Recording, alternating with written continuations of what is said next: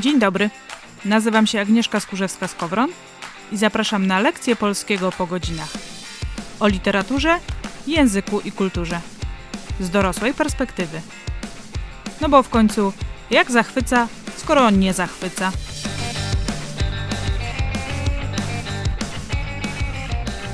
Niedawno na jednym z kont bookstagramowych widziałam pytanie, jaka jest najnudniejsza książka, którą czytałeś.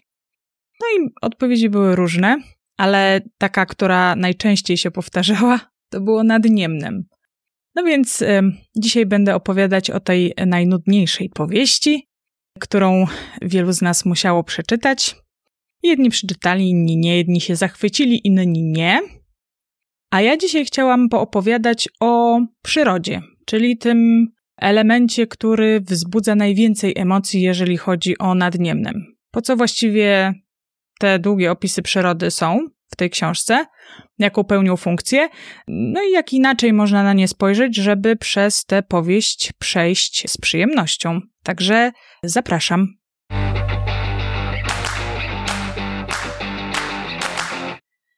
Zacznijmy od tego, że w pierwszej połowie XXI wieku nad Niemnem czytamy trochę jak cenzorzy rosyjscy w 1888 roku, czyli w roku wydania książki. W liście do Malwiny Bloomberg, tłumaczki nad Niemnem na język niemiecki, Orzeszkowa zwracała uwagę na trudności związane z tłumaczeniem powieści. Jedną z nich jest język i obyczaje zaścianka, a drugą, istotniejszą, coś, co ona nazywa stylem więziennym utworu, którym wiele jest symboli, niedopowiedzeń, odwołań do narodowej pamięci. No i Orzeszkowa pisze innymi tak. Może Niemcy zrozumieją nasz styl więzienny, a miejsca zbyt już niejasne może znajdziesz sposób wyjaśnić nieco bez drażliwych wymieniań faktów i imion własnych, jak oto Rosja, Polska i tym podobne. Unikać imion własnych i zbyt wyraźnych, w tym spoczywa cała sztuka. Na przykład wyraz powstanie i data 1863 ani razu w powieści wspominanym nie są. Ale trzeba wszystko tak zrobić, aby czytelnik zrozumiał, że nici powieści zadzierżgnięte są u tego faktu i tej daty. Węzeł ten z przyczyn cenzuralnych osłonięty jest woalem przemilczeń i przenośni, które z łatwością przebija oko polskiego czytelnika. Jest to, można powiedzieć, styl więzienny. Na to słowo tyle zwierzeń, na tamto tyle, taki znak na pojęcie, na tamto inny. I rozumiemy się autor z czytelnikiem wybornie. Czy jednak zrozumieją cudzoziemcy? Można zapytać, czy jednak zrozumie czytelnik u początku XXI wieku. Bo czytamy przede wszystkim to, co jest nam znane, co rozumiemy, a ukryte przez Orzeszkową sensy są nam niedostępne. Z tej prostej przyczyny, że zarówno my, jak i cenzorzy XIX-wieczni rosyjscy nie mamy dostępu do umysłu i serca Polaka pod koniec XIX wieku. I teraz czy to źle? Oczywiście, że nie. Dobre powieści można czytać na wielorakich poziomach, w zależności od y, zainteresowania, wiedzy, wcześniejszych lektur itd. Tak na przykład czytanie lalki jako historii miłosnej jest jak najbardziej uprawnione, bo to jest jeden z poziomów prusowej historii. I podobnie w Nadniemnem historia miłości Justyny, panny z dworu, z Janem, młodzieńcem ze szlachty zagrodowej. Chcę ci jednak pokazać, że takie cenzorskie zanurzanie się w odczytywanie ukrytych sensów może wprowadzić to nasze czytanie na zupełnie inny poziom i odsłonić przed y, nami bogactwo, które będzie znaczące dla nas tu teraz, dla ciebie, dla mnie, dla naszego życia indywidualnego i społecznego. I tak o Nadniemnem można pisać w różnych kontekstach, a jednym z nich jest właśnie przyroda. Ja przyglądam się jej funkcji trochę na przekór dość powszechnemu utyskiwaniu na opisy przyrody w powieści. Że niepotrzebne, że za długie, że zbyt szczegółowe. A wtedy cała na biało wchodzi Ela Szurpicka, artystka, która na wystawie w Muzeum Literatury z okazji jego 70-lecia stworzyła bardzo intrygującą instalację bo ona srebrnym markerem wykreślała, czytając powieść na żywo, było to również filmowane i możliwe do obejrzenia post factum, więc ona czytała sobie tę powieść i wykreślała wszystkie opisy przyrody. Potem można było te tomy z tymi skreśleniami sobie przejrzeć. I wtedy ja sobie uświadomiłam jeszcze raz, jak ważnym elementem świata powieściowego w Nadniemnem jest natura. Bo to ona spaja całą historię i czyni ją sensowną, tym głębokim, metafizycznym sensem. No i właśnie w ten sposób mezalians topi się w Niemnie.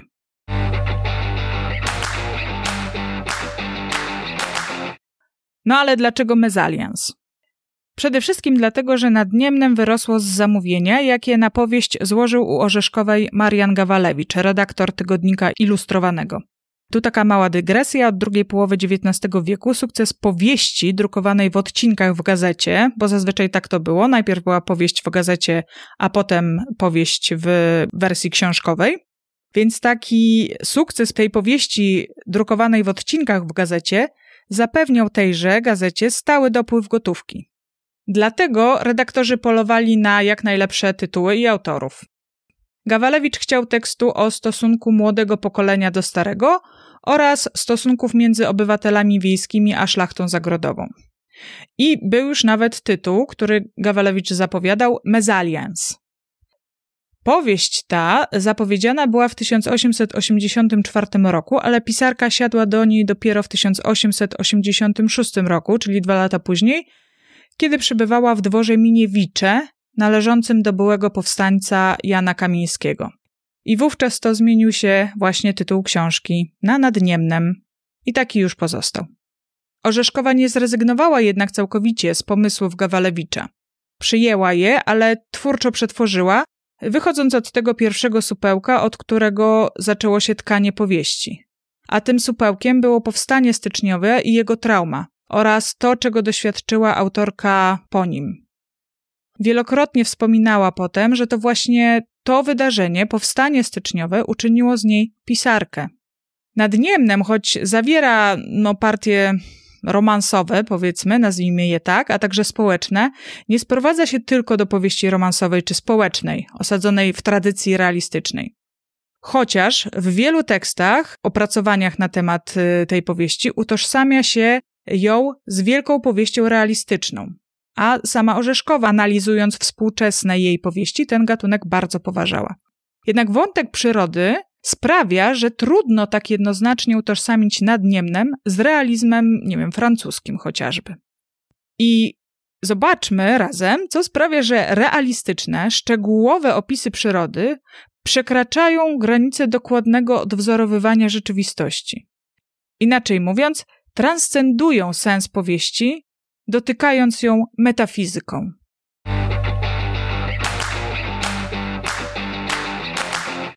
Zacznę od samego początku, bo pierwszy akapit powieści to szeroki, a jednocześnie bardzo szczegółowy opis pewnego niedzielnego nadniemieckiego przedpołudnia. Widzimy kolory, czujemy zapachy, dotykamy faktur, tak, niektórzy już w tym momencie odpadają i przekładają stronę, żeby dotrzeć do jakiejkolwiek akcji. Te opisy przyrody, zwłaszcza długie, są statyczne, ale nie jest to bez znaczenia dla idei utworu. Czytelnik jest rzucony od razu na głęboką wodę, zanurzony natychmiast, a nawet utopiony w naturze, jej bogactwie i różnorodności. I tak jak w pierwszym momencie owego zanurzenia widzimy tylko plamy, zarysy konturów, wszystko nam się zlewa, to po chwili rzeczy nabierają konkretnych kształtów. Zaczynamy dostrzegać szczegóły, aż w końcu zaczynamy rozumieć, co widzimy. Ten długi opis przyrody danlimeńskiej, początkowy, Orzeszkowa kończy zdaniem w tym ruchu ludzkim, odbywającym się na urodzajnej równinie, czuć było najpiękniejszy dla wiejskiej ludności moment święta wesoły i wolny, słoneczny i wolny dzień Boży, powrót z kościoła. I autorka mogłaby zacząć w ten sposób powieść, a potem przejść od razu do opisywania Justyny i Marty. Mielibyśmy po prostu zwykły wstęp do powieści o mezaliansie i stosunkach panujących na wsi. Tymczasem wrzucony w samą otchłań przyrody czytelnik, jeśli tylko się nie zniechęci, jest w stanie już na początku powieści doświadczyć sakrum natury i potem w tej perspektywie czytać całą powieść. Mam również takie wrażenie, że może również doświadczyć ów czytelnik rzucony na głębie przyrody Mysterium Fascinans, czyli tej tajemnicy fascynującej, które e, obok Mysterium Tremendis, tajemnicy przerażającej, stanowi według Rudolfa Ottona religioznawcy z początku XX wieku, element doświadczenia religijnego. Od samego początku utworu czytelnik czuje, że nie jest to po prostu powieść realistyczna. Justyna Sztachelska w jednym ze swoich e, artykułów tak ładnie to podsumowała. Fizycznej, przedstawionej w zmysłowym szczególe przestrzeni nadniemeńskiej, pisarka nadaje w swojej powieści znaczenia, kierujące naszą uwagę w stronę mitu czy symbolu, najczęściej alegorii. I to dotyczy nie tylko rozpoczęcia powieści, ale również na przykład opisu puszczańskiej przyrody wokół grobu Jana i Cecylii, czy mogiły powstańców. Wracając jeszcze do rozpoczęcia nad Niemnem, badacze zwracają również uwagę na perspektywę, z której została pokazana okolica. E, ja akurat użyłam obrazu zanurzenia, ale świat nad rzeką widzimy najpierw z góry, unosząc się nad polami i Niemnem. Niczym boskie oko, widzące wszystko, a potem powoli schodząc niżej, dostrzegając coraz więcej, szczegółowiej, aż do pojedynczych kwiatów i traw. W teologii jest takie określenie, że Bóg widzi wszystko w jednym momencie w ogóle i w szczególe. Początek nad Niemnem można nazwać takim boskim spojrzeniem. I to kolejny trop w przełamywaniu zwykłego opisu przyrody.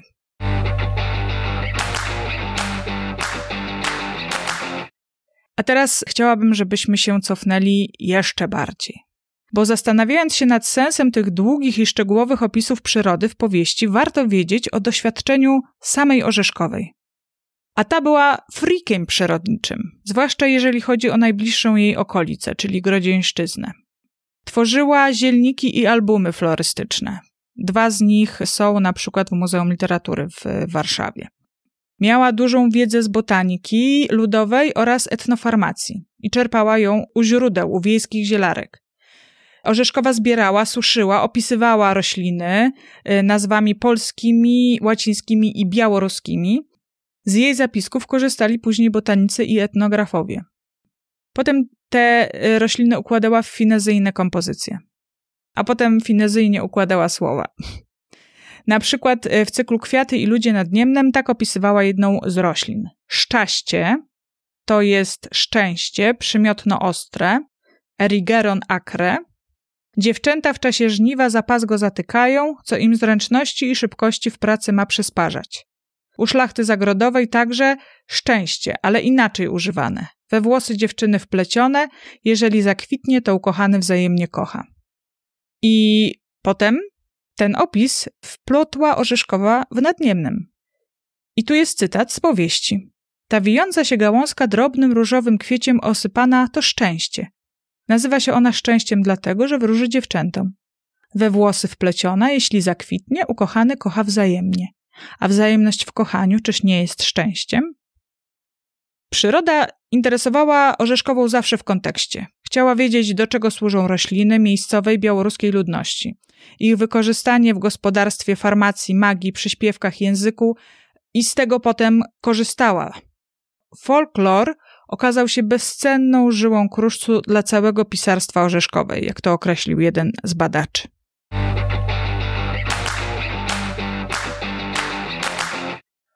Orzeszkowa wplotła w materię historii dwóch skłóconych rodzin, Korczyńskich i Bohaterowiczów, swoją wiarę w harmonijne współistnienie człowieka i natury.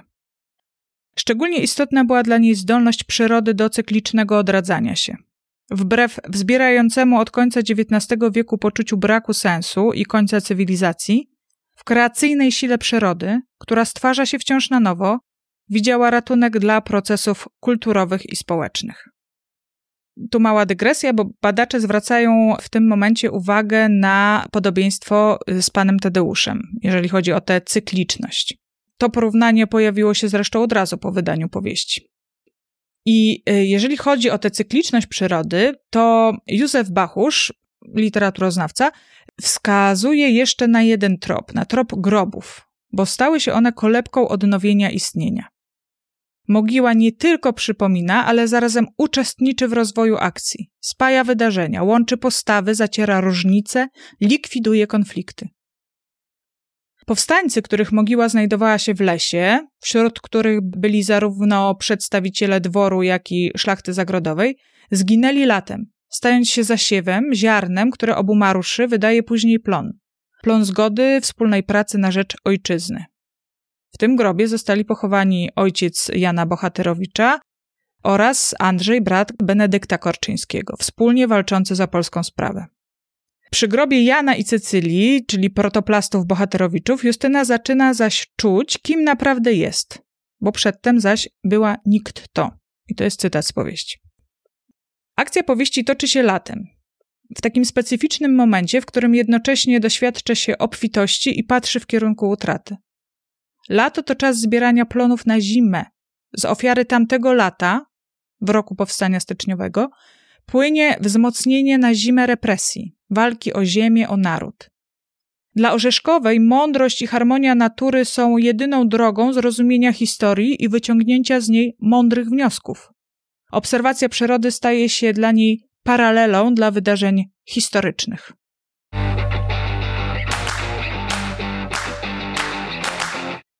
A teraz chcę opowiedzieć trochę o raju. W liście do Marii Godlewskiej, pisanym z Alp, Orzeszkowa wspomina pewną historię. Istnieje tu stara legenda, że niegdyś Bóg rozkazał aniołom swoim wziąć na ręce Eden i przenieść go z jednego krańca świata na drugi. Istoty niebiańskie, skrzydlate, lecz wątłe, pełniły rozkaz, jak mogły. Niosły brzemię rajskie wprawdzie, niemniej ciężkie, nie podołały i upuściły go nie tam, gdzie było przykazano. Ta legenda alpejska mówi oczywiście, że upuściły go w Alpach. Natomiast w przekonaniu Orzeszkowej aniołowie upuścili Eden nad Niemnem. I tutaj dam taki długi cytat bo on doskonale pokazuje, w jaki sposób Orzeszkowa ten pierwszy fragment rozpoczynający powieść zbudowała y, na zasadzie stwarzania świata. Początek powieści jest zarazem jej szczytowym punktem, apogeum rozwoju życia i afirmacją natury. Przy tym kreowanie powieściowego świata powtarza działanie stwórcy. Narrator Orzeszkowej opowiada najpierw o słońcu i świetle, potem o sklepieniu nieba, następnie oddziela wzgórza od rzeki, powołuje do życia rośliny, ptaki, owady. Wreszcie ukazuje domostwa, dzieła rąk człowieka i samych ludzi. Doskonała jest również ta kraina, do której przybędą Jan i Cecylia, będący uosobieniem pierwszych rodziców, Adama i Ewy.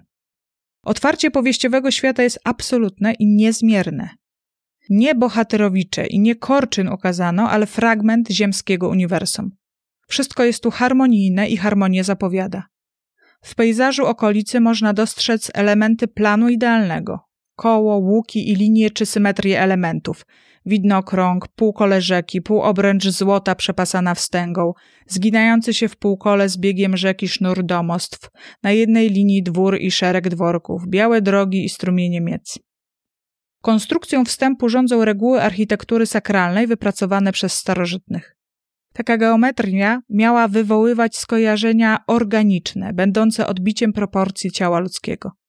Budowla doskonała naśladowała dzieła przyrody i anatomię człowieka. W świetle tak pojmowanej architektury nadniemeński pejzaż jest w swej proporcji oraz geometrii doskonały i święty, a jest też odzwierciedleniem człowieka, jego ciała i jego pracy. Ta świątynna atmosfera natury powtarza się i w puszczy, i podczas żniw. To nie jest jednorazowy akt. Jesteśmy na rajskiej ziemi, ziemi świętej, naznaczonej boską obecnością. Wobec niej dzieją się sprawy ludzkie. Przy czym jedna uwaga, nie chodzi tu o jakieś wyznanie, religię, ale o metafizyczne doświadczenie transcendentnego.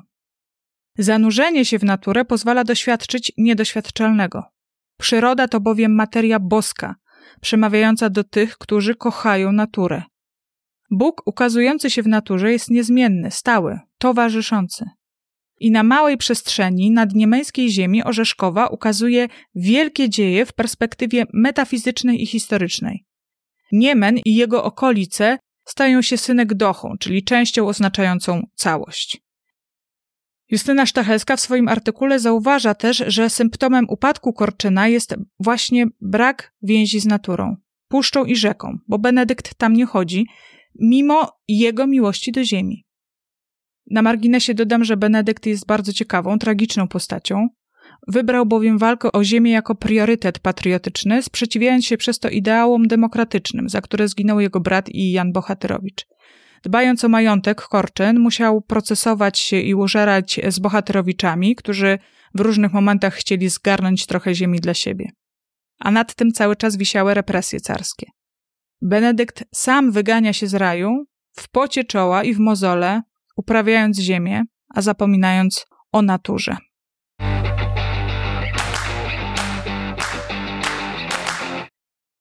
Jest jeszcze jeden trop y, przyrodniczy, to obraz Niemna jako narodu. Rzeka bowiem zbiera w sobie różne mniejsze dopływy, tworząc jedną wielką całość.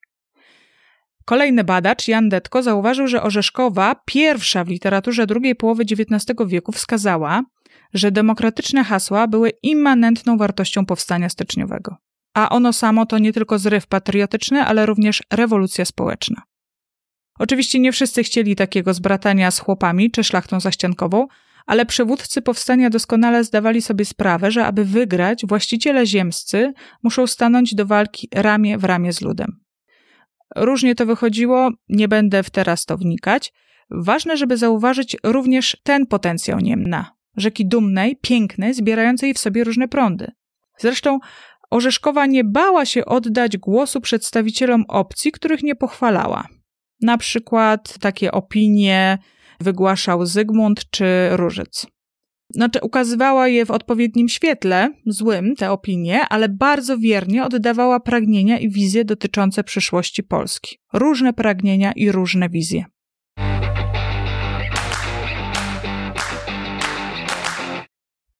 Stanisław Brzozowski, który na początku XX wieku rozpoczął bardzo silną krytykę dotychczasowej literatury z Sienkiewiczem na czele, o Nadniemnem napisał, że to jedna z najpiękniejszych książek polskich. Ja mam świadomość tego, że długie i szczegółowe opisy przyrody mogą być męczące w lekturze. I jeszcze gorzej mają ci, którzy mają afantazję, czyli myślą wyłącznie słowami i w ich głowach nie pojawiają się obrazy podczas czytania czy myślenia. I dla nich czytanie tych opisów jest koszmarem. Jednak w zasadniczej większości jesteśmy w stanie zanurzyć się w naturze nadniemnem i dać się jej ponieść tak by to ona kierowała odczytywaniem przez nas akcji. Wcale nie jakiejś dynamicznej. Wnikliwsze spojrzenie na powieść Orzeszkowej, pytanie, po co ona w ogóle to pisała, może przynieść naprawdę wiele czytelniczych odkryć, ale nie tylko. I kiedy w tym odcinku co chwila używałam słowa zanurzenie, przyszła mi na myśl praktyka Shirnin-yoku, czyli terapeutycznych kąpieli leśnych, których praktykowanie rozpoczęto w Japonii i stamtąd ta praktyka rozprzestrzeniła się na cały świat. Dotarła również do Polski. Czytanie nad Niemnem może być właśnie taką literacką kąpielą w naturze, medytacją natury. A po tej lekturze warto wyjść z domu, stanąć bosymi stopami na trawie, zamknąć oczy, poczuć siebie i świat. I jak zazwyczaj na końcu zachęcam Cię do zajrzenia na stronę Wianków Słów, na moje media społecznościowe.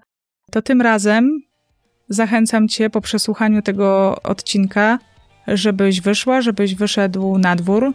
Jeśli się da, żebyś stanęła bosymi nogami na trawie, poczuła jak Cię łaskoczą trawy w stopę, poczuła zapachy wokół Ciebie, usłyszała dźwięki można się przytulić do jakiegoś drzewa i żebyś sobie zrobiła właśnie taką najpierw literacką kąpiel w naturze, a potem taką fizyczną. Bardzo Cię do tego zachęcam i do usłyszenia w kolejnym odcinku.